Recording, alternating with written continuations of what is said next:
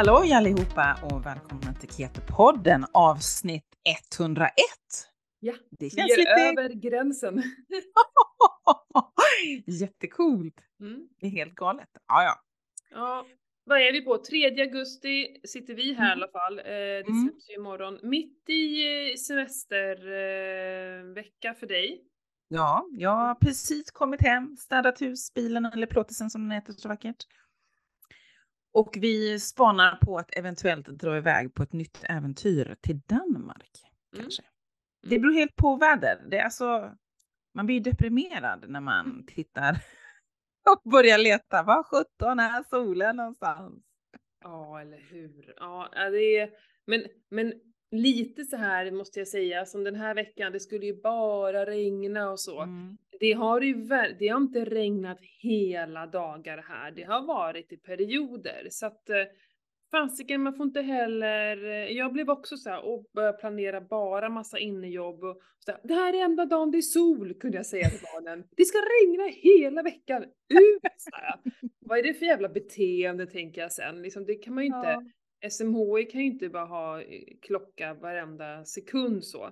Nej. Eh, så att jag menar, det här med, med vädret, ja men såklart man kan ju kolla i alla fall värmen är väl ja, ganska, ja. så stabil och säker men det här med regnet, jag vet inte. Helt plötsligt så det, kom, det, inte, det, fi, det finns ju inga dåliga väder, det finns ju bara dåliga kläder sa min mamma alltid. Fast om man ska ut och cykla eller vandra som jag skulle vilja åka och göra mm. en liten sväng med barnen, då är det ju inte alls cykla är ju knappt så att det går i störtregn. Men det, det blir ju jättehalt blir det ju. Ja. Ja. Eh, visst, men apro ap apropå det, nu när jag kom hem, såg du mina bilder igår på stories? Min zucchini på tre kilo. Ja, du vägde den, vad roligt. ja, men den var så jäkla stor och ja. tung. Så jag sa det till Anders, alltså den här måste ju väga över två kilo. Mm. Han bara, nej det tror jag inte. Så jag var tvungen, tvungen, det... tvungen att väga den. Jag hade också en sån bauta när jag kom hem. Det är, jag mm. tog kort på den, jag har glömt att lägga ut det. Jag är inte så duktig som du är. Jag har till och med tagit kort vad jag gjorde av den. Jättefina kort på alla mina pajer jag gjorde. Ja. Det har jag också glömt att lägga ut. Eh, jag ska bara ge ett tips här för, för dig med, när det handlar om zucchini. Vill man ja. äta två zucchini så ska man äta de små. De är ju mm. godast då. Och de här mm. stora zucchini, de ska man verkligen använda i matlagning. Och mm. nästan så jag kan rekommendera att skala dem då också. Ja, jag tänker för den, alltså ja, det ska bli spännande. Jag har inte delat på den ännu. Nej, men, men det är tänkte jag skulle... man kan ju tro att det är ju jätte, för zucchini kan ju vara ganska mycket vätska och så kan man tro ja. att det är massor med vätska, men nej, den är ganska torr ska jag säga. Så det var inte alls, eh, för att du ska ju alltid salta av dem, vet du. Ja, ja. ja. Och det var ju inte, det var inte jättemycket vätska. Det är nästan nej, så det känns som att det har varit mer vätska i de här mindre jag har använt. Mm. Måste jag ja, säga. det ska bli spännande att se. Jag tänkte jag skulle anamma dig och göra lite pajer eller någonting. Ja, jag gjorde två stora. Jag har fortfarande kvar mm. halva zucchini. Alltså på mm. två stora pajer har jag kvar halva zucchini. Jag vet inte vad jag ska göra, men jo men grilla är gott. Alltså grilla zucchini. Ja. Ja. Eh, men jag, så har jag tänkt då, så jag gjorde två pajer så ska jag skära in och, och, stoppa in i frysen så har vi liksom alltid lunch hemma. Jag har mm. ett ganska trevligt eh, recept på pajdeg. Eh, mm. För er som inte vill äta mjöl. Jag kan dra mm. lite snabbt. 100 gram smör, 1,5 deciliter mandelmjöl, 1,5 deciliter kokosmjöl. När vi, och det är that's it. När vi var på vår träningsresa så gjorde vi massa olika ja. alternativ på det. Vi tog mm. i kikärtsmjöl och hade vi sesammjöl också jag för mig. Men vi gjorde några olika varianter och det funkade mm. ju liksom hur bra som helst. Så. Ja, helt klart. Yes. Men Nej, sen ska man på blir... lasagne. Alltså använda ja. zucchiniskivor istället ja. för Det. Det kan det ju vara nästan, för den är ju, eller de, de är så stora. Du kan göra en plåt med lasagne. ja. Ja, det blir att laga mat här framöver. Mm, ja, men det är kul. Eh, kul att använda. Och bär då? Har ni varit ute och plockat några bär? vi åt lite hjortron när vi eh, såg det. Vi gjorde ju en fjällcykling i... Vi var ju i Funäsdalen och så åkte över till Norge, till Röros. Och där fanns det jättemycket hjortron som mm. Anders bara älskar. Så där gick ju han och plockade och gick bananas liksom mm. och åt eh, solmogna hjortron. Jag gillar inte hjortron riktigt sådär. Åh, det är så gott. Åh, nu fick Nej. jag en ny idé. Man kanske ska åka upp till, eller händer det jättemycket vid Vasaloppet nu va? Ja, det är väl, är det nu till helgen det går? Det är nästa helg tror jag det nästa är. Nästa helg, ja. Eh, cykelvasan. Jag tänkte så här, för när vi sprang den, då mm. var det ju så mycket hjortron längs med den vägen. Mm. Man skulle kunna åka dit med, med cyklar och bil och bara cykla lite på leden och plocka bär liksom och sen cykla mm. tillbaka. Äh, det är ju dumt kanske när det är cykelvasan. Ja, det kan jag nog tycka att det blir lite dumt. Det blir lite mm. mycket folk i skogen. Ja, precis. Vi ska faktiskt eh, eh, inte sitta här och snacka en timme idag utan Nej. vi har en intervju som vi har gjort, ett samtal med. Men jag ska bara säga att jag har ett mm. jätte, jätte hett ämne som vi ska prata om, eller hett, jo men det är hett som tusan, eh, som jag håller på med just nu. Jag är, håller på med en ganska eh, intressant eh, fasta test här. Mm -hmm, Massa olika spännande. Fast, eller olika fastor, jag fastar mycket eh, ska man mm. säga. Eh, och eh, jag har även en av mina kunder som då gör det samtidigt. Så det är lite roligt att, att, att prata om det här. Och, och när ni eh, då eh, överhuvudtaget skulle vilja gå ner i vikt eller liknande så är det ju absolut inte kalorirestriktion vi håller på med. Det är inte hållbart, det kommer inte fungera, det finns fasiken knappt någon studie på att det funkar. Eh, och med tanke på sen de kostråden kom för 50 år sedan så har vi bara blivit fetare och fetare. Så de har uppenbarligen mm. inte fungerat. Eh, så att så är det handlar fasiken om att fasta. Eh, mm. Ätfönster. Och som mm. är, alltså ätfönster som är korta och fönster där vi inte äter, att anamma det. Det är super, jag har läst på ganska mycket om det nu och det är super, det är så, biokemiskt fattar man att det är liksom, det, det är så det funkar. Mm. Då kanske vi kan eh, tisa lite med att nästa gång kanske vi ska prata om det då? Ja, men jag ska prata om det här nästa gång. Mm. Jag ska mm. berätta vad jag håller på med. Mm. Eh, och så ska jag, nu har jag liksom inte hållit på mätt med grejer, men jag känner i min kropp. Jag ser min kropp och jag känner på den eh, mm. vad som händer och det går jävligt fort också när man gör så här. Eh, ja, så det, det är skitkul att se faktiskt. Mm, spännande, då ser vi fram emot att lyssna och höra nästa gång. Då. Och man mår så jävla bra också, det är ju det. Det är liksom så här, jag går ju inte runt och är hungrig som man är annars hela tiden om man ska hålla på med kalorirestriktion som bara är ja. fucked up för hjärnan liksom. Aldrig ja. mätt. Nej, mm. fy för det känner jag. Eh, men det tar vi nästa gång. Ja, det gör vi ska jag berätta, vi har nämligen pratat med, hon heter Annika Strandberg Schmidt, hon bor mm. i Värmland. Mm. Eh, jättenära Norge, ja det behöver vi inte gå in på så himla långt på kanske. Men, eh, men det här är ju en bekant till mig, jag känner, har känt henne nu under något år eller två tid. Mm. Träffade henne faktiskt IRL eh, här för bara några veckor sedan var vi på teater tillsammans. Det var väldigt mm. trevligt, mm. annars har ju vi bra kontakt online. Hon är ju eh, sockerberoende under tillfrisknad som man också kallade det för när vi hade ett samtal. För att det är ju så att ett sockerberoende är ju precis som vilket annat beroende som helst. Mm. Du är ju, eh, du är ju det forever. Mm. Så, är det. så hon kallar det att vara under tillfrisknande, inte så fri ifrån. För att hon är inte fri Nej. ifrån det, utan hon är i det. Mm. Eh, jag kommer inte ihåg, var det 11 år hon hade varit? Ja, jag kommer tyvärr inte heller ihåg det riktigt. Men, eh, det, det mm. pratar vi om sen.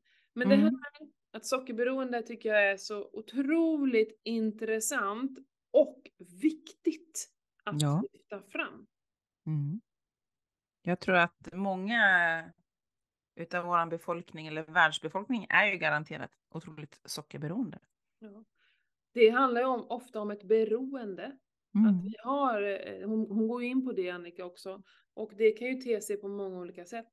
Mm. Eh, mm. och på vissa blir det sockerberoende, alltså man, det är sockret som blir ens, eh, ens liksom, eh, bov om man säger. Vissa är det spel, eh, vissa mm. är det mm. droger, vissa är det alkohol. Alkohol och socker hänger ju väldigt ofta ihop mm. också. Mm. Eh, och det, det, är ju samma också eh, behandling ifrån det.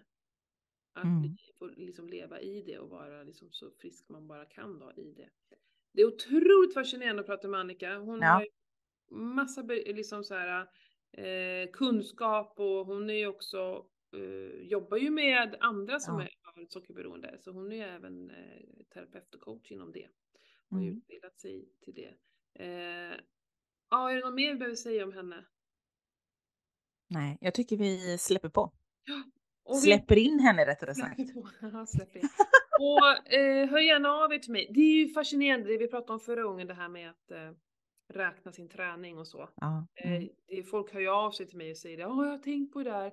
Fasiken, jag höll på att flytta hela dagen. Det, det, det räknas ju bara. Ja, det räknas och alltså, måste vi räkna.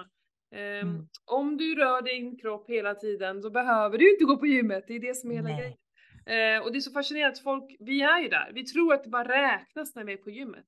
Ja. Galet. Tyvärr så tror man det. Mm. Ja. Uh, jag går upp och ner för en stege just nu i mitt stora rum här. Fan vad så jäkla högt i taket. Så, så fort jag ska någonstans var jag tvungen att stega. Det är bra träning ska jag säga. Jag måste tänka på att gå upp med andra foten först ibland. Ja, du får alternera. ja, nog om det. Hörni, in och lyssna på fantastiska Annika som pratar om eh, sitt sockerberoende och också hur hon har blivit hjälpt och hur hon hjälper andra. Yes. Ha en fortsatt trevlig semester, eh, ja, veckor, Pernilla. Mm, tack! Yes. Yay. Då ska vi se. Vi har idag i Keto-podden härligt sällskap, vad roligt. Hej Annika! Hej! Jag ska säga hela namnet. Annika Strandberg Schmidt. Yes. Mm, bra. Vi, du och jag känner varandra jätteväl. Eh, du har ju varit min PT-kund nu Oj, jag vet inte. Är det två? Ett och ett halvt? Nej, det är ett och ett halvt år tror jag. Ja. Mm, ungefär. Superkul. Så du och jag har ju nästan daglig kontakt. Det är superhärligt. Mm. Men också, eh, förutom det här med PT så har ju vi faktiskt kontakt om andra saker. Jag brukar till och med rådfråga dig ibland när jag har lite issues med vissa saker för att du sitter på så otroligt mycket kunskap. Eh, så jag är jätteglad att du ville komma till oss i Keto-podden och snacka lite om eh, just ditt ämne. Vad är ditt ämne? Ja, mitt ämne är sockerberoende. Mm. Är det. Mm. Jag är jätteglad att få vara här.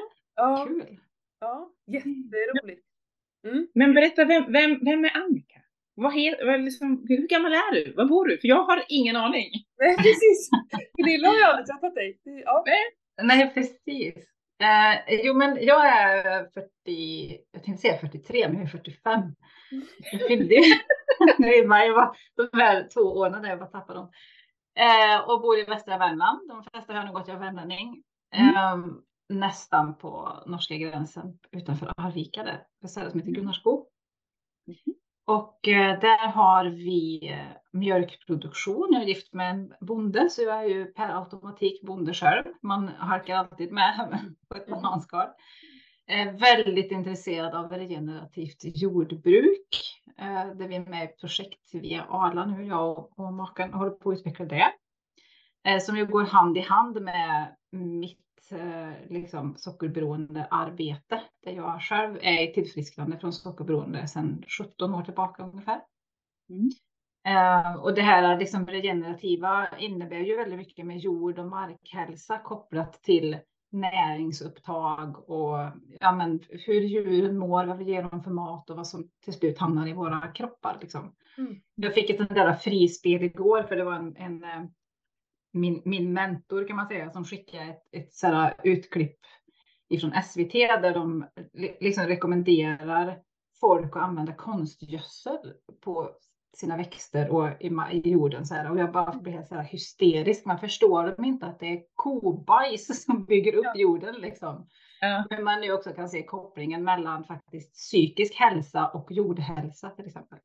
Mm. Så det är en av mina så som jag brinner för samtidigt som jag har just det här ämnet med sockerberoende. Men det, går, det känns väldigt fint för att de två ämnena har gift sig med varandra på ett väldigt fint sätt som jag inte Ja, men förr så kände jag mycket skam över att jag var mjölkbonde och det var ju så farligt för miljön och ohälsosamt och allt det här. Och nu kan jag se att det gifter sig liksom, att det går så hand i hand med jordens hälsa, med djurens hälsa och med min hälsa och, och läkning från så många olika sjukdomar som en bra kost liksom gör.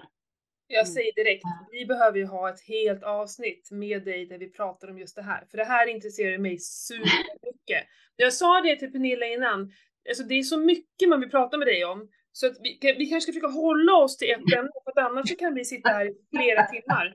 Ja men det är så intressant! Och, men, så jag tycker vi bestämmer det nu att i höst här så tar vi och träffas och pratar om just det här. För det här kommer vi in på jättemycket jag och Pernilla när vi pratar. Mm. Eh, det här med att det är, det är kods fel att vi har miljöproblem, liksom, det är för fan absurt. Eh, ja. Och att folk säger att eh, liksom, nej men jag äter massa grönsaker, jag får i mig all näring jag behöver och alla vitaminer mm. Och sådär. Och, nej, inte på jord som är helt utarmad, tyvärr. Det är liksom, mm. eller som växer i, i bara konstgjord belysning med vatten. Nej, nej alltså näringen finns ju inte där. Så det är liksom, ja. Nej men jag som sagt, jag, hör ju, jag kan ju snöa in på det också så att jag ja. gärna. Underbart. ja men vad fint. Eh, precis, du har ju redan nämnt eh, ditt sockerberoende, att du har liksom, eh, är på tillfrisknande fortfarande. Eh, är man alltid på tillfrisknande från det? Eller Ja, jag lever ju i tillfrisknande nu säger jag. Alltså en del säger ju att man tillfrisknar och det gör man väl till viss del, men jag lever ju med en kronisk sjukdom liksom. Mm. Mm. sen kan jag väl säga att jag är på andra sidan och sen, men det är ju en ständig livsresa. Det är ju oavsett vad man, alltså om man har varit med om någon sjukdom eller vad som än händer så är man ju en livsresa. Ibland så kan jag tänka liksom, ja men den kunskapen jag har, för, alltså för om jag, om jag jämför mig själv där jag var för 17-18 år sedan och någon skulle säga till mig att eh, ja, om 18, 17, 17, 18 år så är du på den här platsen i livet och mår så här och gör så här så skulle jag bara säga ja, eller hur? Liksom. Alltså, det fanns inte på min karta. Och ibland så kan jag tänka, jag undrar om det bara är liksom att jag är äldre och förhoppningsvis lite klokare. Eh, för jag ser och förstår att människor liksom utvecklas. Men jag, alltså när jag tittar tillbaka, och min man kan ju säga det till mig, att hade du inte kommit in i tillfrisknande så hade vi förmodligen inte varit gifta idag. För att jag var så sjuk på liksom alla plan i livet om man säger. För det drabbar ju fysiskt, psykiskt, andligt och socialt. Liksom. Men ska vi börja med det? För jag tänker också att det är mm. väldigt många som vill veta vad är liksom sjukdom med sockerberoende? Men ska mm. vi börja med dig? Börja, hur, berätta om ditt liv för 18 år sedan. Hur såg det ut? Hur, såg din, hur, hur mådde din kropp? Och hur mådde du inuti? Oj. ja, alltså för mig var det ju, jag har alltid varit eh, överviktig eh, och i perioder också underviktig för att jag hade det man skulle kalla för anorexia. En kort, kort period. Um, och alltså egentligen så jag kan ju börja från när jag var liten där jag liksom vet att jag hade ett osunt förhållande till det man tyckte då var ju framförallt sötsaker. Och jag har ju varit sådär glassoman, alltså eh, glass och sötsaker, alltså riktigt söta grejer. Och det har ju varit en sån här skämtgrej liksom, att mamma kunde inte ha glass och kakor i frysen, för när hon skulle bjuda folk på det så var det tomt och det hade jag varit och sopat rent liksom så. Mm. Eh, så jag har alltid liksom haft ett osunt förhållande till sötsaker um, på olika sätt. Och också bröd, alltså pasta, eh, smörgås och så här. Jag, när jag tyckte att jag åt en rejäl måltid och hade lagat mat liksom, när jag var yngre så var det ju typ varma smörgåsar eller våfflor eller pannkakor. Liksom. Det var så här, åh, då hade jag ansträngt mig så. Mm. Så jag, alltså grönsaker fanns ju inte på kartan och så här. Och med det, alltså när man tänker på den kosthållningen så hade jag ju under perioder kraftig övervikt. Eh, och som sagt under tonåren var det också kraftig undervikt. Eh, och har pendlat väldigt mycket om man ser just fysiskt då, upp och ner i vikt och sådana här saker. Uh, men det som egentligen har påverkat mig allra mest har varit mitt psykiska mående. Jag har alltid varit eh, låg och haft nära liksom till, jag har alltid sett glaset halvtomt och tyckt att livet har varit ganska tungt och jobbigt och så här liksom. Eh, och känt mig att jag liksom inte hör hemma, väldigt låg självkänsla och både låg självkänsla och lågt självförtroende liksom. Och eh, kan nog säga att jag, jag minns inte egentligen när mina ja, men självmordstankar började när jag liksom kände att ja, men vad lever jag för ens en gång? Alltså verkligen den djupa mm. eh, känslan av att livet är meningslöst på något sätt. Liksom och det, alltså, ja, det är ett enda sammelsurium. Det är Viktväktarna och det är eh, volymätning, alltså äta mycket och det är träna hit och det är träna dit och det är liksom, ja men eh, hela tiden fokuserar ju jag på vikt och mat och olika dieter och så här liksom. Jag på slutet så här innan jag kom in i tillfrisknande så åkte jag det på Viktväktarna, vägde in mig och sen så på vägen hem så åkte jag via McDriven och köpte en glass och, och typ ställa Macmål eller någonting så här och åt på vägen hem. Och jag, jag kunde inte ens hålla Viktväktarna över dagen så liksom när det var som värst. Så. Och eh, alltså för mig så var väl, vad ska man säga, slutet eller början på mitt nya liv eh, när jag sitter vid köksbordet. Eh, jag och min man är relativt nygifta. Vi har två små barn som är friska, helt fantastiska, pigga ungar. Vi har precis liksom börjat planera för att, att köpa stället intill där det fanns en mjölklaggård. Och har två, ja, lite djur i ladugården, häst och hund och så här. Liksom. Jag sitter vid köksbordet i vårt nyrenoverade kök och skriver på mina självmordsbrev och känner att nu, det går inte längre. Liksom. Jag fixar inte det här. Mm. Uh, och när jag sitter där så kommer jag ihåg att för några år sedan så köpte jag en bok som hette Potatis, inte Prozac. Eh, utav en kvinna som heter Kathleen de, de Maison eller någonting sånt där. Jag vet inte hur man uttalar det riktigt. Nu har boken en annan titel, men då hette den så. Eh, och jag hade köpt den för flera år sedan i tron om att jag skulle kunna, ja men så att det skulle, man skulle må bättre om man åt glutenfritt var liksom budskapet som jag trodde att jag hade fått med mig där. Så tänkte jag att ja, men jag läser väl den här boken då en gång till. För det kan väl vara så att om jag mår lite bättre så kanske jag ändå vill leva. Liksom. Så breven fick vara kvar till, till barnen och till maken. Men jag gick och letade efter den här boken och förstod ganska snart att det var inte bara liksom eh, glutenfritt utan shit, här fick jag nog göra en förändring som heter duga. Och jag blev livrädd för mitt liv kretsar bara runt och alltså det var ju min tröst och min, mitt sätt att fira, min glädje, mitt, ja men liksom så. Eh, det är svårt att beskriva för någon som inte har ett beroende hur mycket maten kan betyda, liksom så. Eller sötsakerna. Eh, men i alla fall så började jag eh, resan där och minns inte egentligen hur jag fick tag på en bok som är skriven av Bitte Jonsson som är liksom, hon tog begreppet sockerberoende till Sverige. Uh, och den hette då Sockerbomben i din hjärna eller någonting sånt. Ja, um, fick tag på den boken och började läsa om beroende. Och jag brukar skoja och säga att bitten är ju, alltså alla tester hon ger mig så har jag lite så här hundra rätt på alla dem liksom. Den har jag och den har jag liksom. Och förstod väl att ja, men jag har nog ett beroende liksom. Men förstod inte hur allvarligt det är att ha ett beroende då.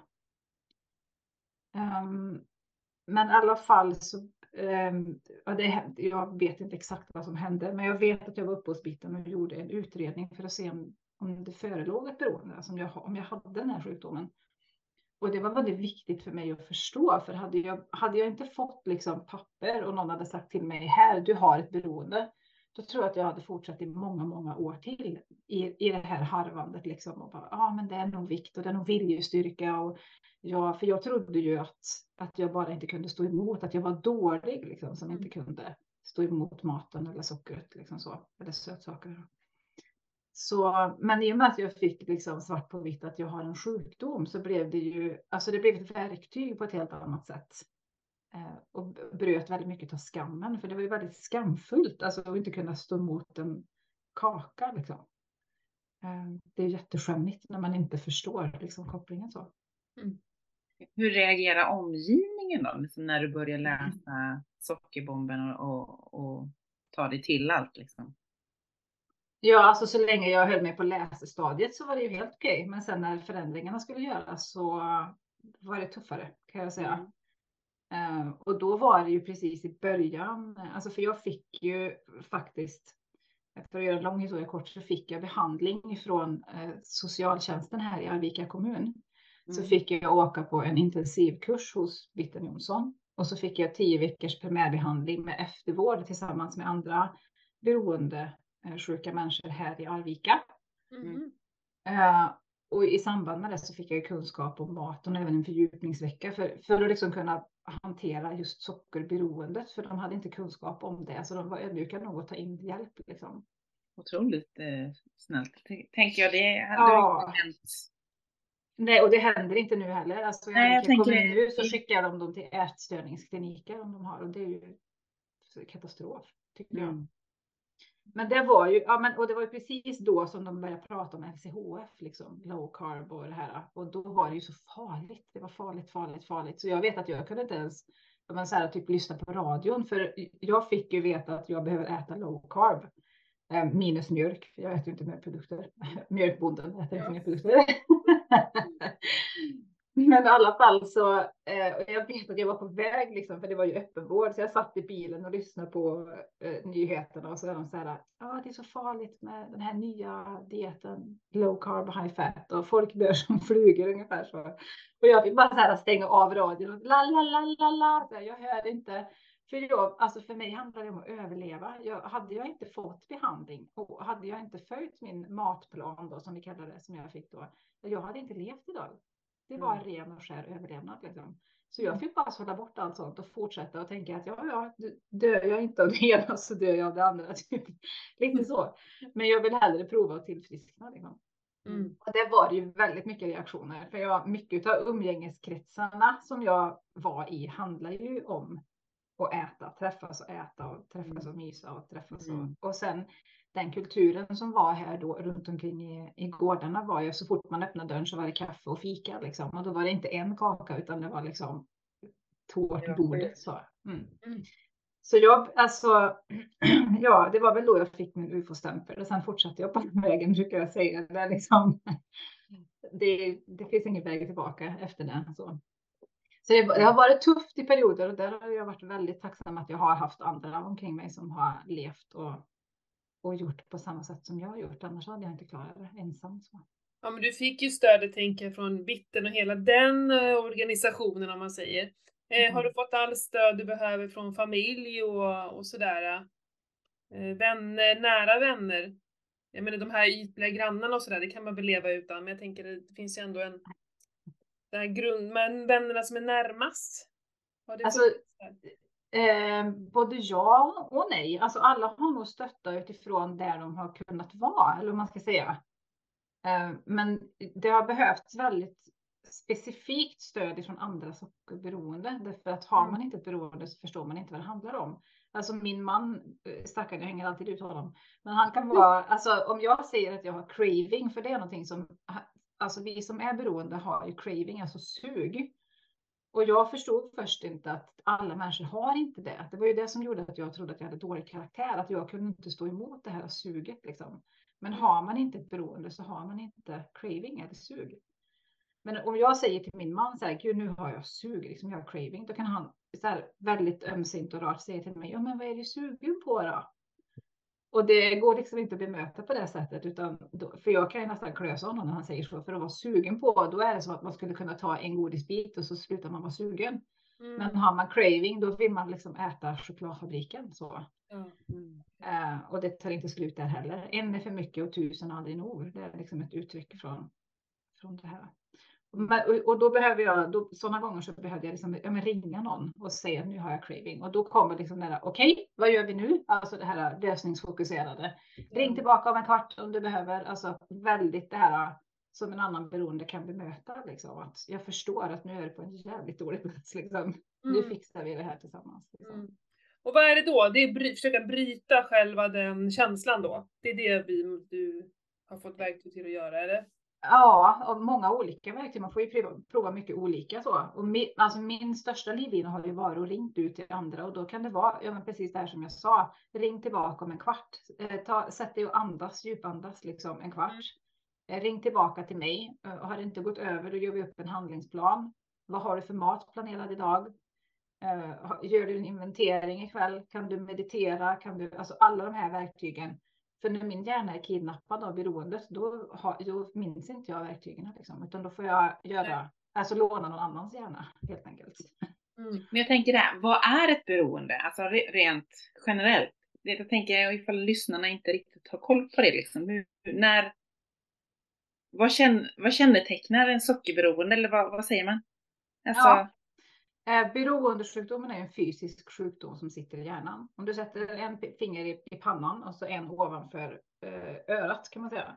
Mm. Där de linjerna möts inne i, inne i hjärnan. Liksom. Där har mm. du belöningscentra. Och har man ett beroende så har du ett lite annorlunda belöningscentrum som reagerar med fyrverkerier. Liksom, om du äter till exempel socker eller tar andra droger. Eller det måste inte vara socker, men mjöl. Eh, hjärnan reagerar ju likadant på mjölmat. Liksom. Mm. Och det är ju en kronisk sjukdom, du lever med den hela livet. Den är mm. progredierande, alltså det blir värre och värre. Det är inte så att man börjar med att äta mat ur soporna eller kräkas eller vad man nu gör, utan det börjar ju med att man kanske eh, överäter eller äter för mycket eller börjar svälta sig eller liksom, alltså det går ju eh, hela tiden blir värre och värre. Mm. Och har man ett beroende, då behöver man ju göra en utredning. Jag är med och, och um, tutor heter det på engelska, vad heter det? Uh, handleder i någonting som kallas för sugar, sugarutbildning, där man gör en utredning, en, ett diagnosinstrument för att se om det föreligger ett beroende. Mm. För har man ett beroende, då ska det, då ska det behandlas. Liksom. Det är ingenting som man bara fixar på egen hand. Så.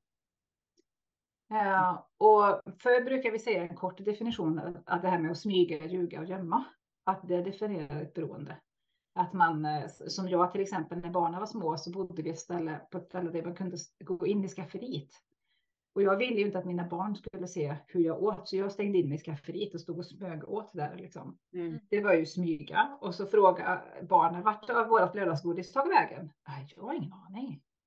Det är bara borta. Det är nog uh, typ tomten som har kommit hem till dig. Alltså, det, det, bara försvann så. Och jag ljög om tidigt, liksom, min mamma frågade, har du ätit middag? Ja, det har jag gjort. Liksom. Och så mm. såg hon den att, att middagen den låg i hönsbunken, liksom, skulle ut till hönorna sen.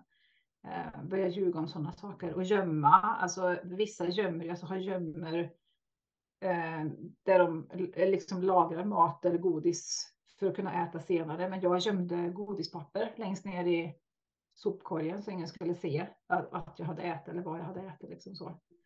Mm. Eh, så det var mycket gömma sådana saker. Liksom. Mm. Så det är ju så här enkelt beroende. Sen har man ju, eller enkelt beroende, så man enkelt kan säga om beroende. Mm. mm. Men sen har man ju även någonting som heter uncope för socker för att se, eh, men för att göra en screening, lite skilja agnarna från, från vetet så liksom. Eh, för, och har man det är sex frågor och har man fyra ja-svar eller två ja-svar är det nog nu till och med på, på de frågorna, två mm. eller fler, så rekommenderar man en sån sugar-intervju för att se om det finns ett beroende. Mm. Så det, ja, var det svar på din fråga? Det känns ja, som det var jättemycket. Vad sa jag egentligen? Liksom? ja, men kan man... jag, som inte, jag som inte har ett sånt beroende på det sättet. Det är så, mm. Jag tänker det är kanske fler än jag som, som vill veta lite närmare. Ja, men är det, eh, du, du, men du sa det, smyga, ljuga och gömma. Ska man liksom behöva, är det alla tre man behöver ha då för att det, för att jag tänker så här. Oh, det är nog ganska, jag kan, eh, till och med jag som inte ens äter socker kan ju så smyg, smygäta lite utan att, oh, gud, det här kanske jag inte borde, ja men då, då får man i så här nötter typ eller en ostbit. Eh, men men, men eh, jag bara tänker att det måste ju ändå vara lite mer eh, ett beteende som också kommer in i det tänker jag. Eh, ja, ja, alltså när man gör en sån här... Gör det en gång i månaden, alltså så här, jag vet inte om jag är ute Nej. och svämlar runt nu bara men Nej, men och det är det som är så himla viktigt. Det är därför man inte kan säga bara så om du smyger, ljuger, gömmer. Det är därför det är så viktigt att göra som en sugar-intervju då till ja. exempel. Och där mm. har du ju, alltså, jag tror det är 67 frågor eller någonting sånt där som är kopplat till beroendet liksom. Och då behöver du ju ha, alltså det är indelat i, om man tittar på ICD-10 som är det som Världshälsoorganisationen har för att definiera beroende. De brukar använda ICD-10 eller DSM-5. Eh, de uppdateras för nu så det blir DSM 6 eller ICD 11. Eller, ja, men så här, det är i alla fall det som de använder. Och då ska man ha, om man har ett beroende, så ska man ha eh, tre symptom i tre kriterier. Och då finns det liksom sex kriterier och så 67 frågor då, till exempel. Eh, och har du tre symptom i tre kriterier så, är du, så har du ett beroende. Och ofta när jag gör sådana intervjuer med, med mina klienter så kan de ha liksom 17 symptom i fem kriterier eller i alla kriterierna. Liksom så. Mm. Och det är det som är så viktigt. Dels för att vi gör en behandlingsplan utifrån svaren vi får på de här frågorna. För en som liksom har tre symptom har ju inte samma liksom behov av eh, Jo, samma behov av behandling, men inte samma sorts verktyg som den som kanske har varit aktiv i 40 år och har alla symptom. Liksom så. Mm. Så just det här, alltså att göra en sugarintervju, det är ju det är skamavlastning. Du förstår att du har ett beroende. Eh, du kan liksom ut, utveckla en behandlingsplan. Du kan gå tillbaka till den här när förnekelsen sätter in igen, för det gör den när du har ett beroende. Så helt plötsligt glömmer du bort att du har ett beroende eller låtsas att det inte finns. Då kan man liksom använda en sugarintervjun igen och ja, men kommer du inte ihåg att du svarade ja på den här frågan? Och liksom, mm. Alltså som behandlare så det är ett suveränt instrument. Så. Men föds man med ett beroende?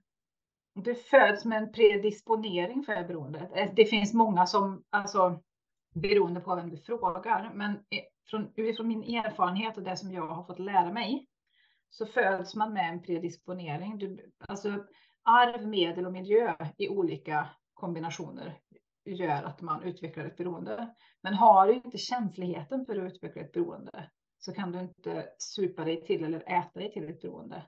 Däremot så ser man nu att high fructose corn syrup, det här som man i Sverige säger är ett nytt socker som har funnits hur länge som helst, det kan bygga om lustcentrum i hjärnan så att man, de som har fötts utan den här predisponeringen eller så sårbarheten också kommer kunna utveckla ett beroende.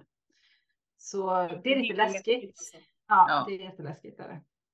Men eh, eh, finns det någon så här, eh, hur, hur, hur, många procent av befolkningen tror man har det här egentligen?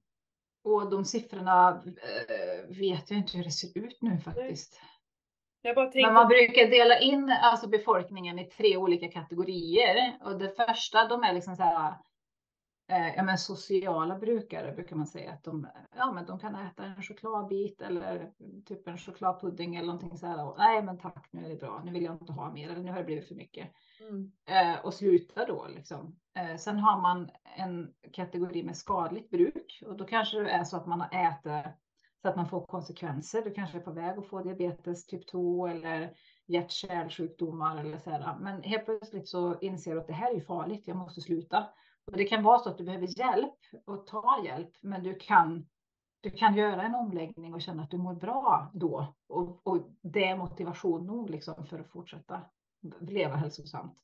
Men har ett beroende, då är det så att du kan veta om att du har fått diabetes typ 2. Du kan sitta vid köksbordet och skriva dina brev. Eller du kan liksom ha utvecklat hjärt-kärlsjukdomar och ändå kan du inte låta bli att gå tillbaka till att äta. Liksom. Nej och det är ju det som många säger, men gud, han eller hon som mådde så bra och som var så frisk och nu har de gått upp igen och gjort bla bla bla. Eller nu svälter de sig igen och underäter och så här liksom. Uh, och det är där, alltså att hjärnan blir kidnappad och man kan inte stå emot. Det går inte. Mm. Och det är ju inte en ursäkt egentligen för att jag har ju ansvar för min sjukdom och se till att jag att jag tillfrisknar och använder verktygen. Men jag behöver ju hjälp. Jag kan inte göra det ensam på min egen kammare. Så, um, så jag har inte procenttal, men man brukar prata om att kunna dela in liksom, eh, befolkningen i de olika grupperingarna. Och förr så tror jag egentligen att det var en lägre andel som hade ett beroende eh, än vad som är idag. För jag tror och tycker mig märka att det är fler och fler som utvecklar beroende faktiskt. Mm. Men någonting eh, också, alltså, även om man föds med eh, den eh, så är det väl också som med mycket annat, att den ska också bli verksam, om man säger så. Alltså det börjar... Mm. Eh, ja men det är så många säger, pratar om genetik och allt sånt där. Ja men det går, eh, det går bröstcancer i släkten. Ja, men det betyder inte att du måste få bröstcancer heller. Men absolut, mm. ditt glas är redan halvfullt så att du behöver verkligen tänka på hur du lever. För det är mm. en av yttre faktorer som kan utläsa det här. Mm. Så någonting eh, behöver kanske ändå hända för att det ska utlösas. Och...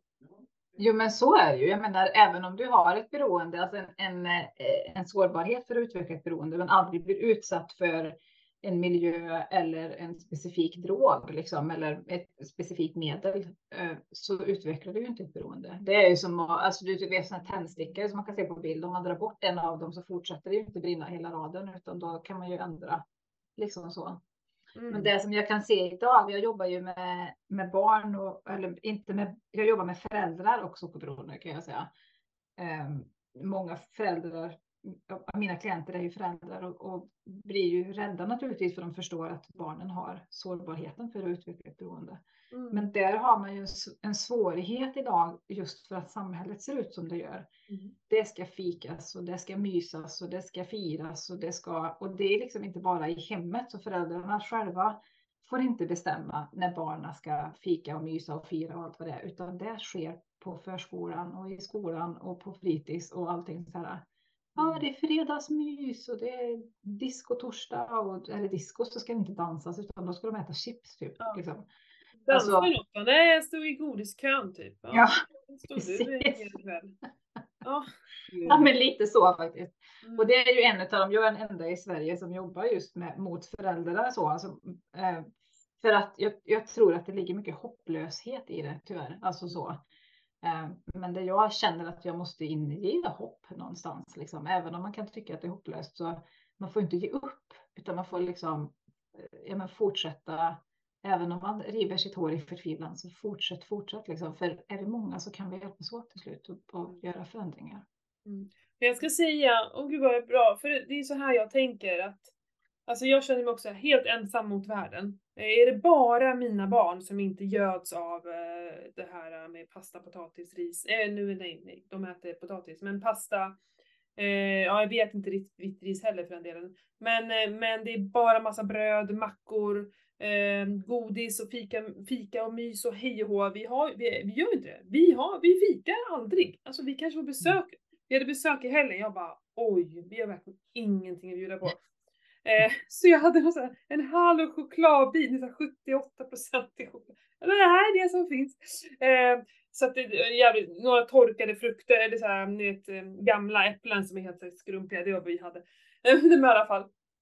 Eh, men jag har ändå så här, jag ger mig inte. Jag, kämp, jag kämpar hela tiden och, och, fortsätter. Och de har ju regler när de är borta hos folk. Eh, så här, eh, om min dotter var på pyjamasparty och då innan bestämde vi hur många godisar ska du äta? För det vet jag hur det kommer. Och då hade vi bestämt det. Eh, och sen sa vi, du får inte dricka läsk. Så hon fick ta med sig en Loka. Eh, så hon fick i alla fall ett bubbel. Fick hon ta, och så hade hon med sig en, citron, en halv citron också så hon hällde i, fick liksom skära. Hon bara, det var jättegott med citron i. Så gjorde hon det.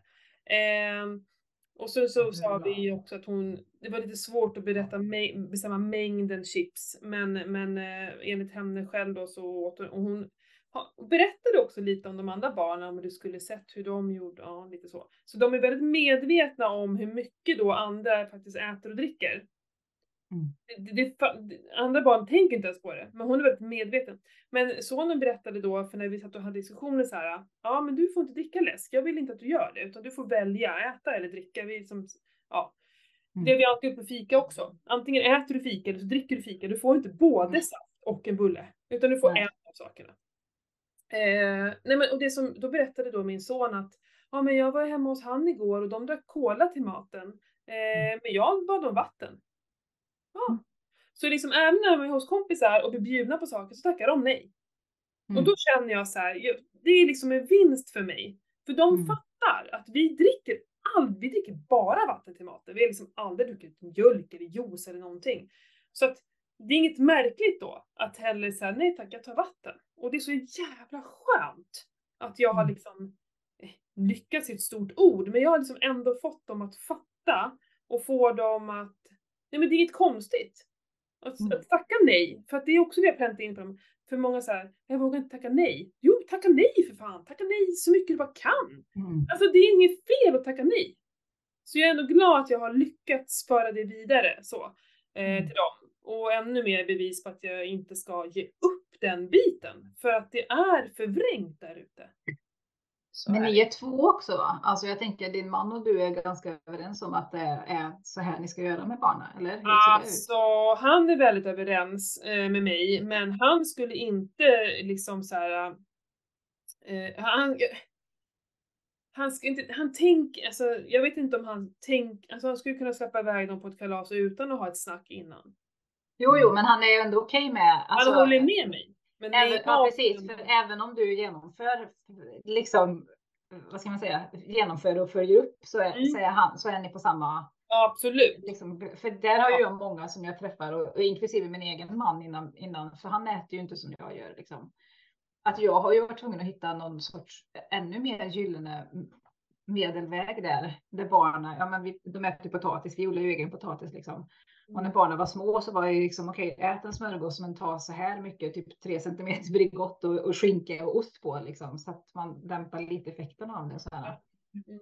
Eh, så det, alltså, för jag önskar ju att jag hade kunnat vara ännu mera, liksom, ja, men hjälpt dem ännu mer med kosten. Men jag försöker liksom tänka att, men jag visste inte ens, jag visste inte att det fanns någonting som heter sockerberoende. Jag visste inte att man kunde äta utan att leva på, på kolhydrater. Jag, alltså, jag visste inte någonting egentligen, så jag ibland så, i perioder så har jag liksom tänkt, men jag skickar med dem kunskap liksom. Även om de sitter där nu, för mina äldsta barn de är ju 19 och 21, så där, jag menar jag råder inte, de tjänar egna pengar och jag vill inte ens tänka på vad de äter idag. Liksom. Men Nej. någonstans där inne så vet de någonting som jag inte hade en aning om när jag, när jag växte upp. Liksom. Det är lite så jag tänker också med sonen som är 17. Mm. Att, eh, jag hoppas att jag har skickat med en bra grund, att han ändå har en koll, även om jag inte kan kontrollera och Nej. styra på samma sätt som Matilda har möjlighet att göra. Mm. Ja, jag tror att det, det är jag som lagar maten. Alltså jag, mm. de är ju små än så länge. Men jag, mm. jag får ju tvinga dottern, i, det är ju så roligt, dottern är ju kolhydrats, alltså hon är ju helt körd. Hon, hon väljer alltid kolhydraterna framförallt. Annars. Jämt, jämt, jämt, jämt, jämt. Man får hålla koll på henne för hon är också en så här, hon ful, inte fulgör det men hon tar alltid lite extra sånt liksom och så att om inte jag håller koll på hur mycket kött till exempel hon har käkat så skulle hon kunna hoppa över köttet och bara äta kolhydraterna. Mm. Så att där måste jag ha koll. Medan så sonen har ju inga problem att liksom bara äta kött. Så. Nej. Eh, så att man märker skillnaden på, och det, så har det ju varit ända sedan hon var pytte, pytte, pytte, pytte liten. Hon har alltid valt det. Sockriga mm. och mjöliga. Alltid, mm. alltid, alltid. Eh, mm.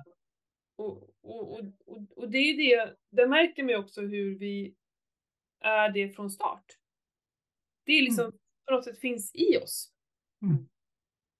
Eh, vad vi tycker är gott och vad, som, vad, vad vi dras till. Vad som... Mm. Ja, hon sprungit runt i och tjatat om att baka liksom. Vad fan, sluta tjata, vi kommer inte baka någonting. Du går på avgiftning. Hon har avgiftning nu i fem dagar. Hon, var, hon var vidrig igår. Vidrig igår. Mm. Sånt, alltså det är det jag menar, hon är så bakis. Alltså jag mm. säger bakis för att hon, dålig sömn. Nu var hon i och för sig den som gick och la sig tidigast, tack för det, det är jag glad för, men ändå ganska dålig sömn. Och så så mycket skitmat. Hon var vidrig igår. Hon mådde mm. dåligt. Alltså man såg, hon mådde dåligt. Hon gnällde. Liksom. Eh, mm. sur.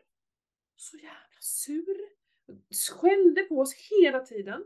Och bara, alltså det var så hemskt. Så hon, hon led ju, vi, vi, vi fattade det. Så hon, hon mår inget bra. Vi, mm. ja, vi, får, vi kan inte bli arga på henne för att hon, hon det är en kamp i henne nu. Liksom, så mm. Det är så hemskt att se.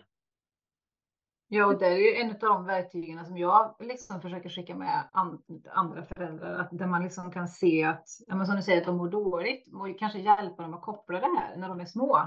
Men kommer du ihåg vad du åt igår? Kan du tänka att det kan ha koppling med hur du mår idag? Liksom? Utan att skamma liksom och säga att oh, det var dåligt som åt, utan bara hjälpa dem att göra den här kopplingen mellan mående och, och vad de faktiskt har stoppat i sig. Så. Mm. Eh, sen kan min, alltså min äldsta dotter, eh, hon var säkert i tonåren, så, här, så kom hon ner här till frukost någon gång så här, åh, jag har så ont i benet mamma. Men det beror inte på näringsbrist, säger hon till mig i samma. Då kände jag liksom att oj, nu har jag nog gått lite för långt i mitt eh, profeterande här liksom. Mm. Så man kan ju gå för långt även i det. Men jag, ja, men jag tänker liksom, som du sa Pernilla, skicka med alltså någonting. Man hoppas ju mm. att man har lagt Ja, så, sonen gjorde ju den här kopplingen med godis och snacks. Och äh, att äh, hans finnar ökade när han äh, åt mycket godis eller drack mycket läsk. Så där kom man ju på kopplingen själv att mamma, det är ju faktiskt att det påverkas. Eh, ja, Mm. Så då blev det ju liksom att han drog ner på det och han äter ju inte alls lika mycket godis som han gjorde tidigare. Mm. Och inte eller pasta heller. Okej, han, han äter ju hellre, om han får välja så väljer han ju hellre potatis än pasta, vilket jag är ju tacksam för. Mm. För det tycker jag ju ändå är bättre än att han drar i sig en massa pasta som är totalt inget alls. Liksom. Absolut. Mm. Men jag tänker tillbaks till din, din resa, liksom, vad, vad hände efter att du hade varit iväg där? Det måste väl, blev det inte som en chock eller vad, vad hände liksom med dig? När du var hos Bitten? Ja, dels så fick jag ju alla de här verktygen, alltså kunskapen om maten. Men som man säger, alltså tillfrisknande från sockerberoende, då säger man ju att maten är bara 10 procent av det. Sen har det ju varit ett ständigt ösande ur olika kunskapskällor, lära mig om beroendet och jag har gått på tolvstegsmöten också, eh, mm. där man har liksom eh, en mycket en andlig del där man liksom lär sig egentligen eh, hur man lever livet på livets villkor. Eh, klarar, lär, lär sig hantera känslor, sådana saker liksom. Så jag kan ju, alltså jag brukar ju fira, med, alltså det är som min födelsedag de åren och det är liksom inte att jag firar eh, drogfrihet eller sockerfrihet, utan för mig är det liksom att jag firar livet, att jag har fått tillbaka, jag har gått ifrån att vara i tillstånd av överlevande till att hamna i att jag lever faktiskt och jag vill leva. Jag, har en, alltså jag gläds åt att jag lever, inte varje dag kanske, men oftast i alla fall. Så, så alltså jag, jag är ju inte samma person idag. Jag har ju, dels har jag ju ja, men tillfrisknat eh, och, och lever i tillfrisknande. Men också, först så läste jag till eh, beroendeterapeut, för jag har liksom känt att jag, har ju, jag vill föra ut ett budskap och kunskapen om sockerberoende framför allt. Liksom. Mm. Eh, och sen också eh, ja, men specialiserat mig mer på, på barn eller på föräldrar och sockerberoende. Jag skrev en bok om, om det. Eh, och, Eh, och sen gått även, ja, men gjort så, här, så att jag är sugar-licensierad och kan göra sugarintervjuer och jobbar tillsammans med Bitten. Och det var också en sån här grej. Jag vet att när jag, alltså under första året i tillfrisknande så läste jag Mia Törnbloms, eh, en av hennes böcker där man skulle skriva ner sina så här, livs, ja, men drömmar så så skrev jag så här, och jag vågar nästan inte skriva det. Jag skrev liksom att jag vill jobba med bitten, så här, typ med små bokstäver där någonstans. Och idag är vi liksom kollegor och jobbar ihop och, och eh, ja, men det, det känns helt osannolikt när jag tittar tillbaka på det. Liksom. Mm. Så det handlar liksom inte om, när jag säger liksom att jag trodde inte att jag skulle kunna leva det livet som jag lever idag, så handlar det inte om att jag har en massa pengar eller liksom sådana saker. Men för mig att bara känna att jag vaknar och vill gå upp och träna och eh, är glad över att vi bor där vi bor och kunna skriva långa tacksamhetslistor över vad jag har i livet. Liksom, och så. Det, det är helt, ja men det var så långt ifrån det, jag, det, det livet jag levde. Liksom. Hur skulle du säga, hur mycket liksom måste du aktivt jobba för att hålla dig fortfarande frisk? Uh, jag har svårt att säga det idag, men jag, det är ju varje dag, alltså på daglig basis liksom.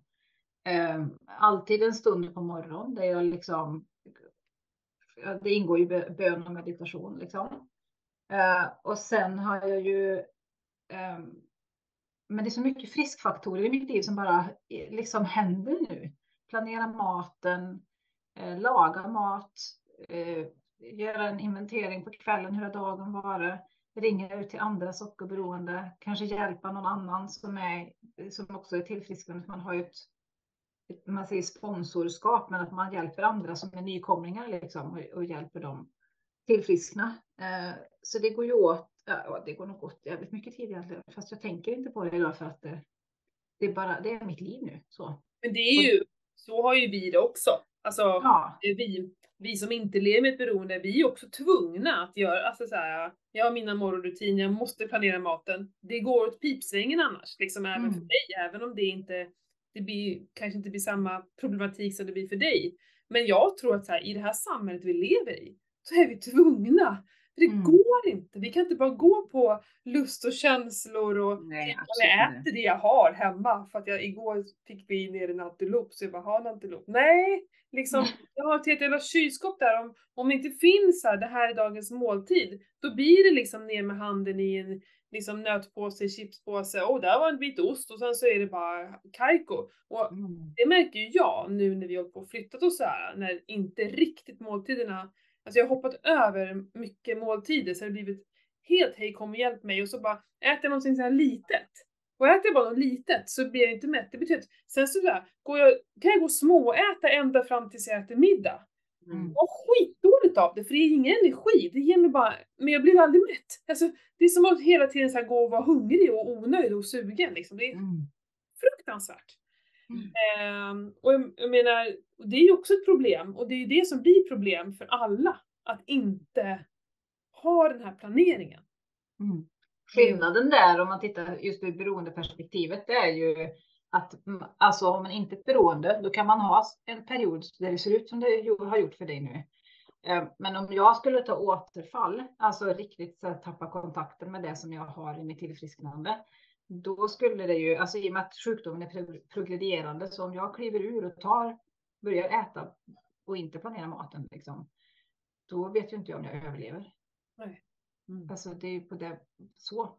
För jag menar, har man inte, har man inte beroende, då kan man ju ha typ cheat days, liksom att ja, men nu tar jag ett glas av det eller jag äter det här och så går jag tillbaka till basics sen liksom. Så jag kan liksom känna, alltså det är oavsett om vi är på semester eller om vi bara är här hemma eller om man bygger eller vad man gör, så det, det är alltid det liksom alltid min stund på morgonen och alltid samtal ut, alltid planera maten. Liksom.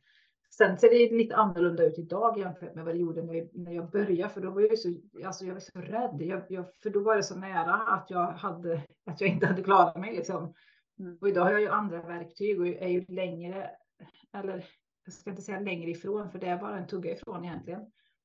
Men, men ändå, jag har ett annat lugn idag liksom, än vad jag hade då. Eh, så, men, och jag, jag kan liksom tänka, jag ser de vännerna som jag har idag och som bekanta som jag tycker är intressanta att lära känna mer. Liksom. Jag vet när jag började lyssna på Keto-podden till exempel, när jag lyssnar på era samtal, så att men de lever ju som jag gör, fast de inte har ett beroende. Liksom. Att det är rätt häftigt att se hur de här grejerna, alltså de verktygen som jag hade använt i flera år, alltså ger så mycket till andra människor också. Liksom det här att vara medveten om och inventera, inte bara som jag har lyssnat på att ni liksom trackar ja, men ketos och så som jag också har gjort och som har varit fantastiskt för, för min mentala hälsa.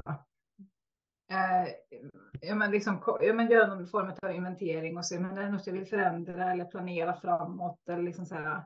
Men det, alla lever inte så. Fast man tänker liksom att det går inte att leva om man inte gör det. Men gud vad många det är som, lever, som inte lever så liksom. Och livet bara händer runt omkring dem så.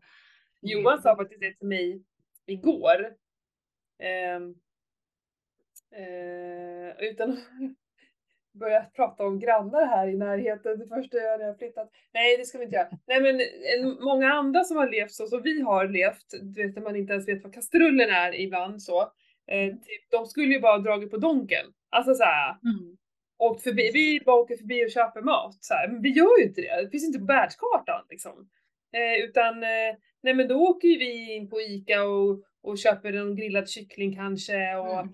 eh, någon, eh, någon mozzarella-bit eller någon, inte vet jag. Ja men så här, ja. Det gör ju vi. Mm. Så, för att det finns ju inte, det finns ju, alltså så här, det finns ju inte i min värld överhuvudtaget. Mm. Alltså jag skulle aldrig eh, någonsin göra det. Vissa saker gör jag inte och jag, eller fika eller sådana saker. Men det är så roligt vilket helt, jag tror vi, vi, vi är ganska unika vi som är sådana. Inte ens de här gångerna så drar vi eh, eh, enkla, snabba vägen. Liksom. Mm. mm. Det är fascinerande tycker jag. Ja, men verkligen. Eh, men jag kan ju så glömma bort eftersom att jag är i den här världen själv jämt. Liksom. Och ja, men, lyssnar på GP-podden eller följer bloggar eller, eller Instakonton eller vad det nu är. Där alltså, de flesta lever så på något sätt. Liksom. när jag helt plötsligt då möts av verkligheten där min yngsta dotter kommer hem och är jättearg på mig för att hon inte får dricka eh, energidrycker när hon är 13 år. Liksom. Men jag är hemma hos mina kompisar och de, deras föräldrar köper sexpack och ställer i kylen så de kan gå och ta sig. Och jag bara, va? Liksom, är det sant så? Alltså jag kan bli helt så här, men hur ser världen ut? Det är ju helt osannolikt liksom. Oftast är det föräldrarna också som gör det. Alltså det är det ja. som är grejen. Om föräldrarna dricker läsk och energidrycken och grejer så här, då, då, då är det inget konstigt att ge det till barnen. Nej, absolut inte. Men jag kan bli helt chockad för jag glömmer ja. bort att det faktiskt ser ut så. Liksom. Ja, det är helt, ja. Nej, det är konstigt hur det är. Men jag är väldigt tacksam att jag, att jag slipper idag. Liksom. Jag vet att jag fick den frågan någon gång. Det var ganska tidigt i mitt tillfrisknande.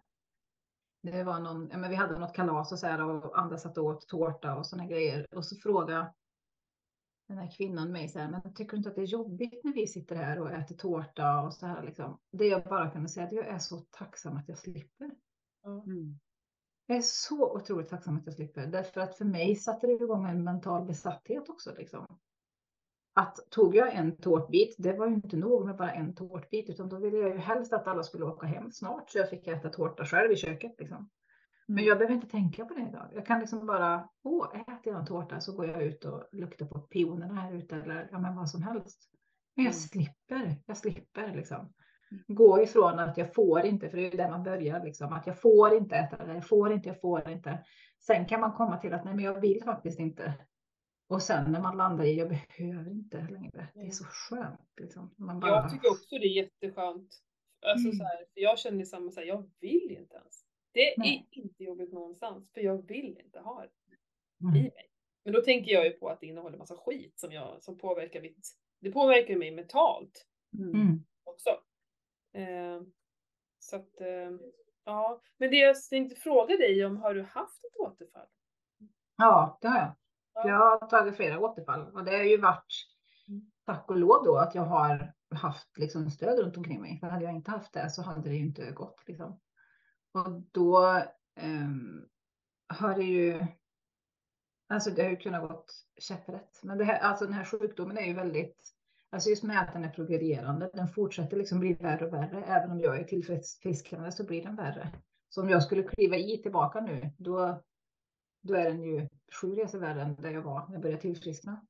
Hur länge sedan är det? Nu är det nog åtta år sedan tror jag. Wow. Någonstans där.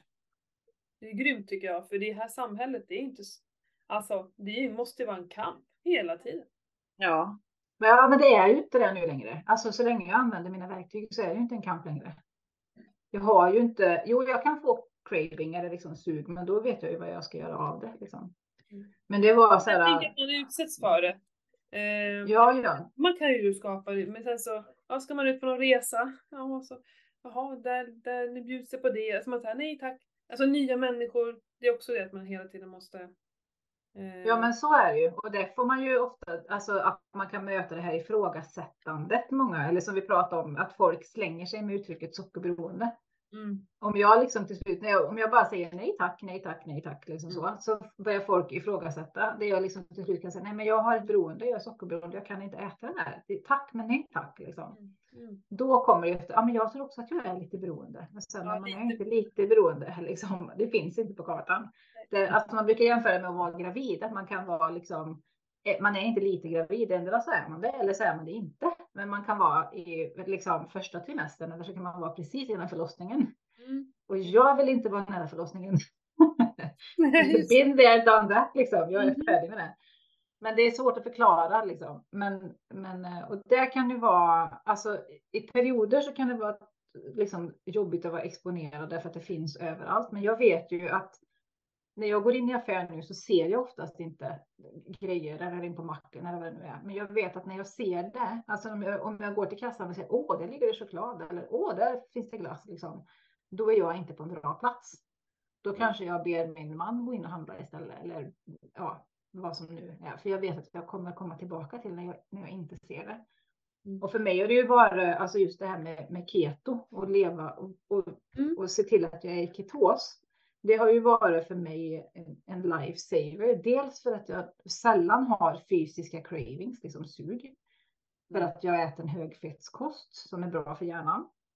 Och mycket, mycket animaliskt protein framför allt. Mm. eh, och sen också liksom att den, alltså min mentala hälsa. Det finns ju en, en läkare som, eller forskare som heter Georgia Eady. Och hon pratar ju om det här med fysisk hälsa kopplad till ketos. Alltså att man är i, hon vill vara ganska, alltså ha sina patienter i ganska djup ketos, två, två och en halv minst. Liksom. Eh, vad är det, megamol eller vad heter det? Millimol. Millimol här till och med. Millimol. Eh, Eh, och då ser de liksom att det är bra resultat på psykisk, psykisk ohälsa, depression, eh, ja, men självmordstankar, schizofreni, alltså, all, alltså många sådana psykiska diagnoser. Och jag tycker att det stämmer. Nu är ju inte, hör ju inte addiction eller beroende till en psykisk ohälsa, utan det är en fysisk sjukdom. Men, men ändå så ser vi ju kopplingen till att det hjälper så otroligt mycket att vara i Eh, och vara i ketos liksom, eller äta eh, ketokost. Då. Men är det här någonting som liksom du använder eller är det liksom det här med att vara djup ketos, är det någonting som ni, om ni ska hjälpa någon annan, och så här, är, är det mycket som sockerberoende, eh, som har, folk som har sockerberoende jobbar med sin ketos, eller är det just du som jobbar mycket med det? Jag, eh, jag, kan nog säga att just i Sverige så är nog jag den som jobbar med ketos. Alltså, och där kan man inte heller gå in för djupt. Alltså, om jag träffar en patient eller en klient för första gången liksom, så börjar inte jag med att säga att du ska tracka mikro och makronutrienter och vara i ketos, utan där måste jag bara se till att de är på en, på en matplan där de kan hålla sig sockerfria liksom, och, och, eller kolhydratfria. Så där är jag nog mer på low carb och gör liksom en screening på hur ser biokemin ut först och främst utreda om det finns ett beroende överhuvudtaget. För annars ska inte jag jobba med dem. För jag är beroendespecialist liksom. Mm. Uh, och sen liksom se hur ser status ut. Är de överbelastade av candida? Har de mycket hög toxisk belastning? Och ju värre biokemiskt det ser ut, desto striktare matplan behöver de ju ha för att läka biokemi. Men då är ju alltid beroendesjukdomen har ju alltid veto över allting sånt. Är det så att jag har en klient som inte klarar, om, om hen inte får äta mjölkprodukter, då har vi mjölkprodukter även om candidan är överallt, liksom, till exempel. Att jag måste se till att de är eh, abstinenta som vi säger, alltså inte är i kolhydraterna först och främst.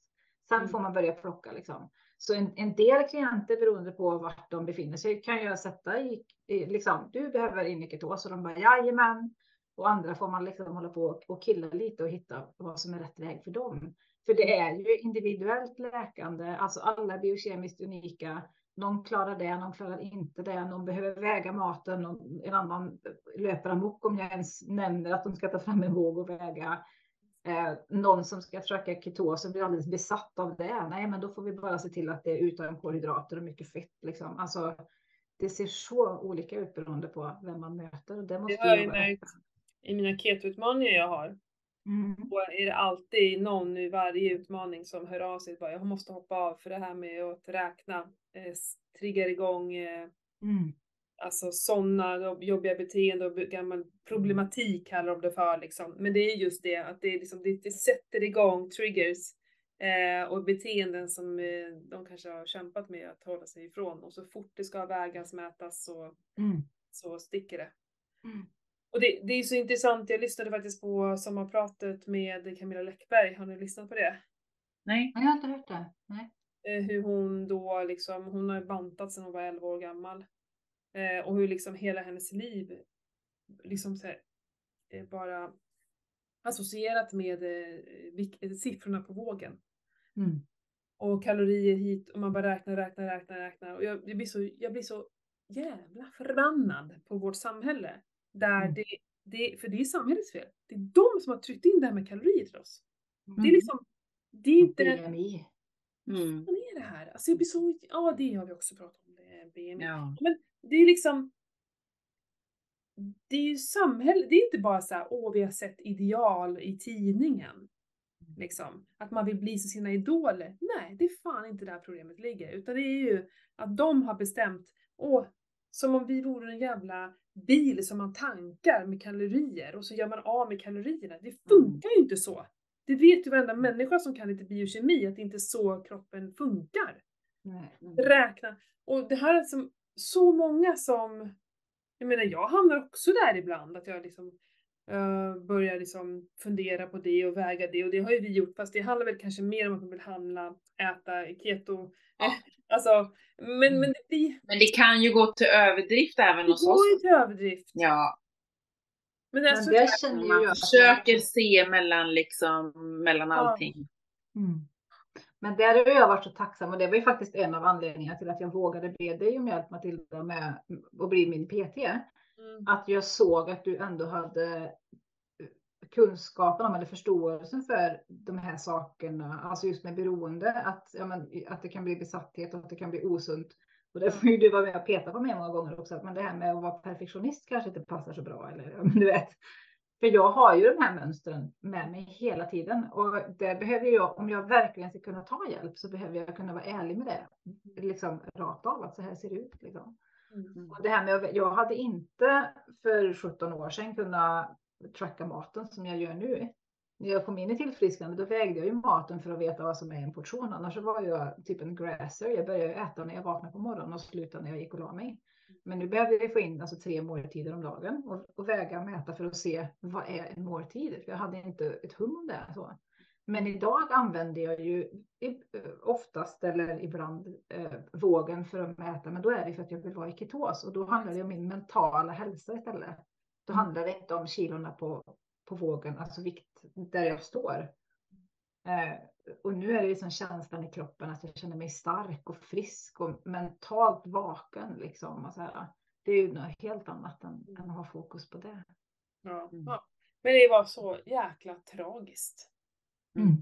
Att det är så.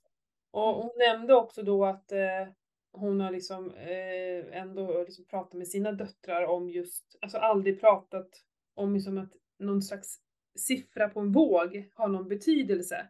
Mm. Um, och det, det tänker jag ofta på. Jag menar, jag, okay, jag är hård med maten och så här, men jag pratar aldrig om att det har någonting att göra med så här, du blir tjock då eller vi måste hålla oss smala. Vi pratar aldrig vikt, jag pratar bara hälsa.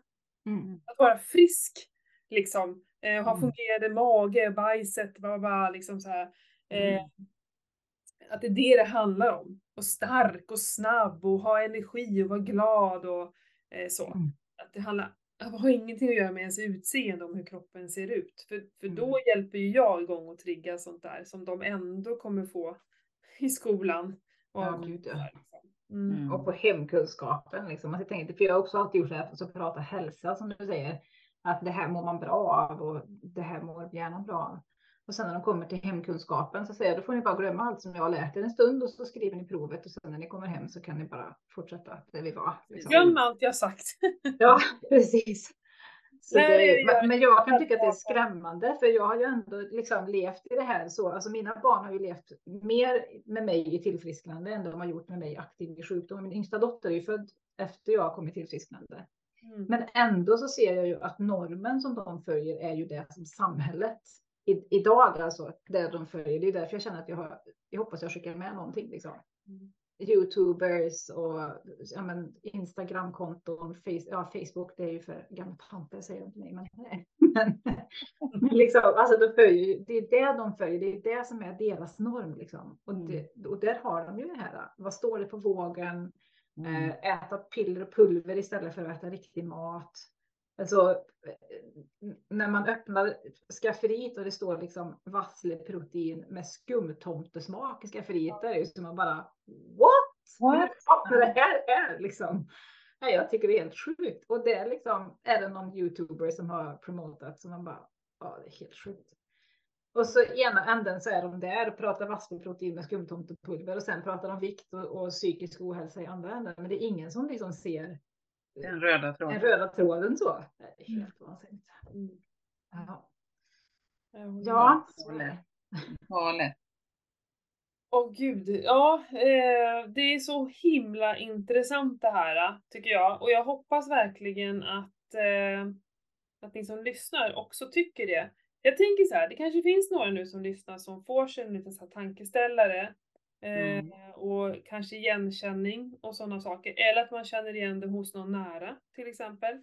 Men det är ju mm. så att om man själv, alltså någon, om vi säger att någon som känner att de har en nära familjemedlem eller vän där de ser de här symptom. Tendenserna. Ja. Eller vad säger man? Vad kan man göra? Vad kan man göra som anhörig? För det är väl också så att man kan ju aldrig... Om inte jag själv har förstått att jag har ett problem så, så kan jag inte göra någonting åt det, eller hur? Nej men så är det ju. Alltså jag hade ju inte kunnat ta emot hjälp om jag inte hade velat ha hjälpen. Liksom. Man, man, kan inte tvångsmata någon, säga. det kan man ju. Men alltså, eh, oftast är det ju så att om man som anhörig, då kan man ju behöva ha hjälp själv. Mm. Alltså att kunna stå ut. Det man kan göra är ju liksom bara att tala om att jag ser den här kopplingen. Man brukar prata om carefrontation istället för confrontation.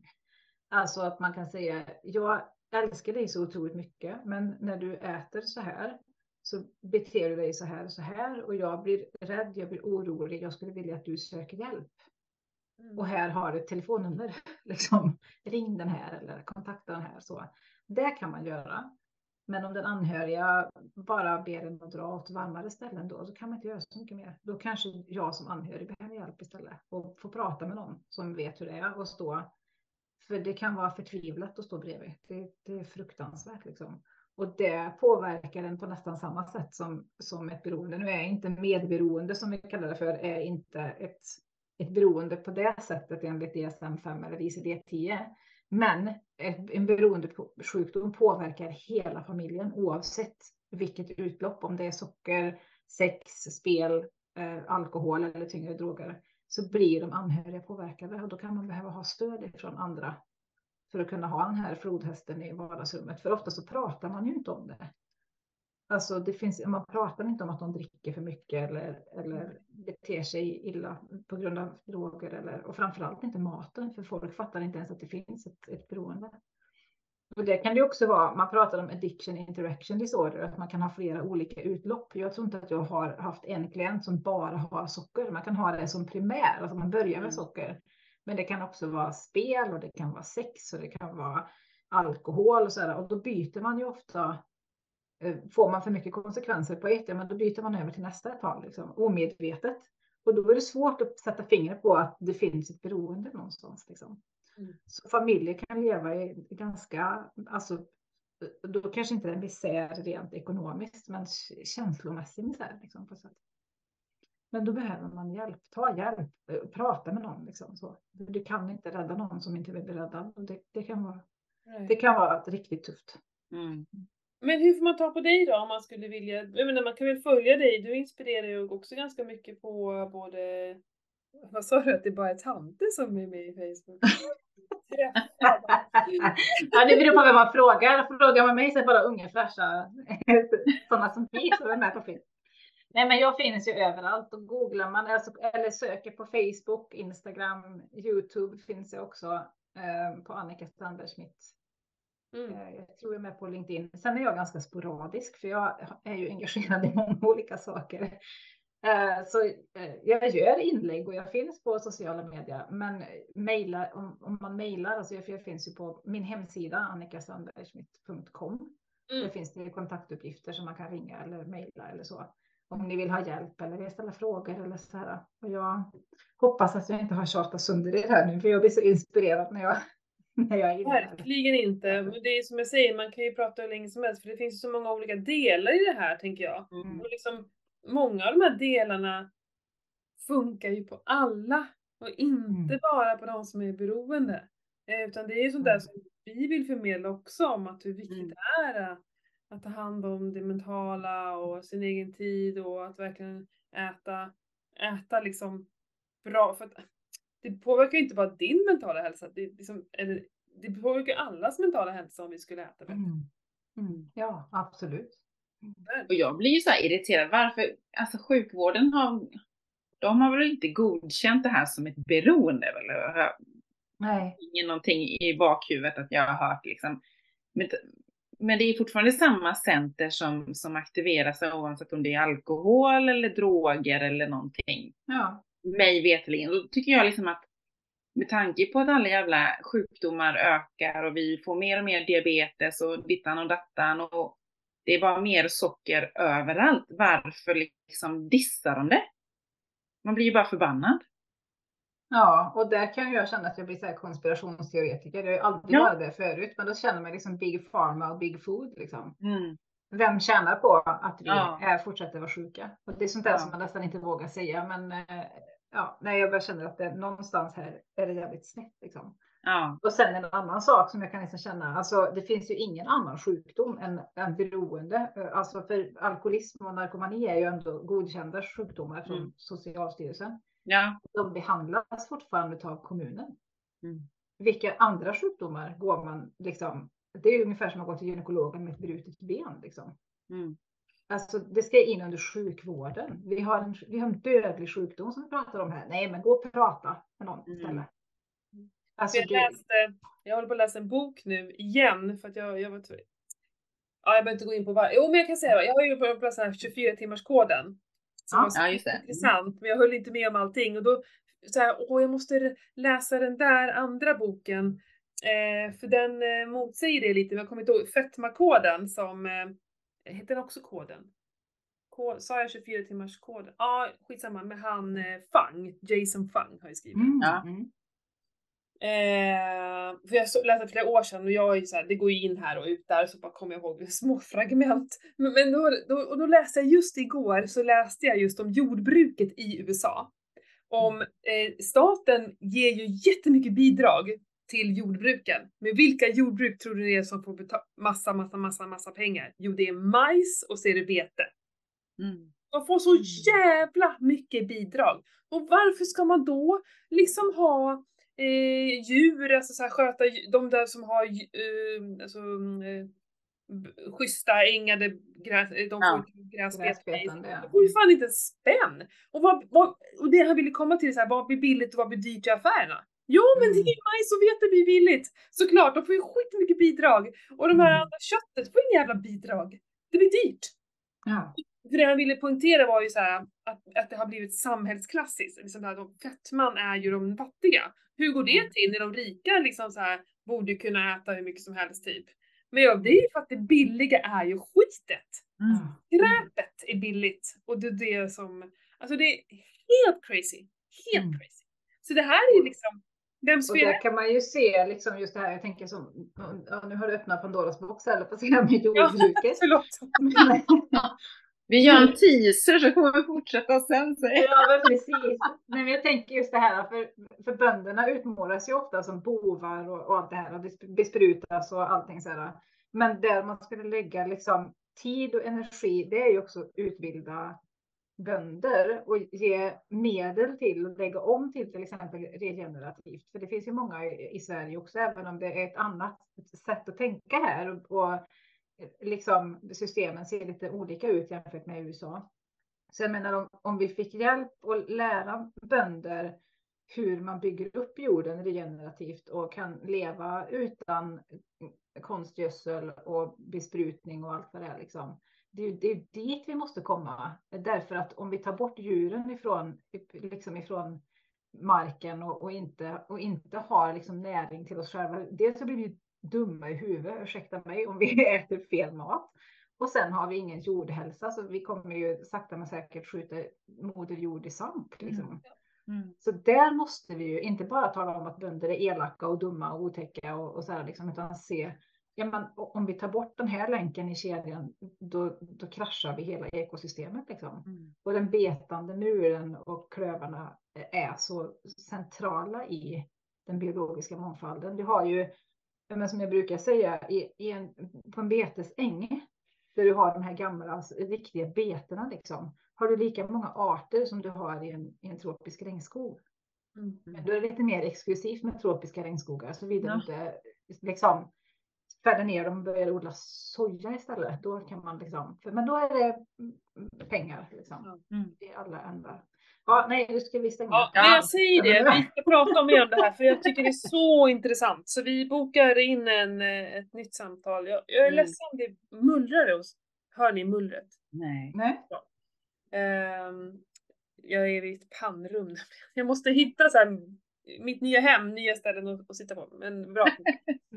Ja men gud vad fantastiskt härligt eh, Annika. Eh, så intressant, så roligt. Jag hoppas ni andra verkligen uppskattar det här också. Eh, mm. Ni vet vad ni får tag på Annika och vi kommer definitivt att prata med dig igen, eller hur? Absolut. Mm. Bra. Kul! Tack för att jag fick vara med. Och jag måste ju bara säga, alltså dels är det, jag tyckte det var jätteroligt att lyssna på alla era avsnitt. Och sen tycker jag det är så otroligt modigt av er att ta upp sockerberoende för att det är så många som inte tar i det med tång. Men inom den här LCHF och keto-sfären så är det jättemånga sockerberoende som fortfarande lider. Och ja. som tycker att de inte kan, jag klarar det inte även om jag kör keto eller low carb eller så här. Nej. Eh, det är inte deras fel, det är inte mitt fel, men det finns verktyg. Så jag, alltså en jätteeloge till er som tar upp det. Ni, gör, ni kommer göra skillnad, jag är helt övertygad om det. Mm. Tack, vad, vad härligt. Det hoppas vi också. Mm. Bra. Då så. Tack så mycket. ha det fint. Hej då!